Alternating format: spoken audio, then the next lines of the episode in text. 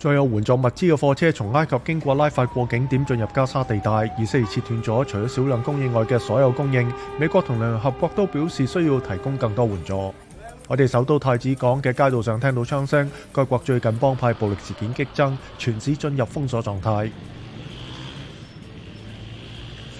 俄罗斯西部城镇克林齐附近嘅一个油库起火，俄罗斯官员话系乌克兰无人机袭击所造成。瑞士世界經濟論壇喺星期五結束，主席博爾格布倫德話：對與會者喺安全、氣候、人工智能同治理等議題上嘅進展感到滿意。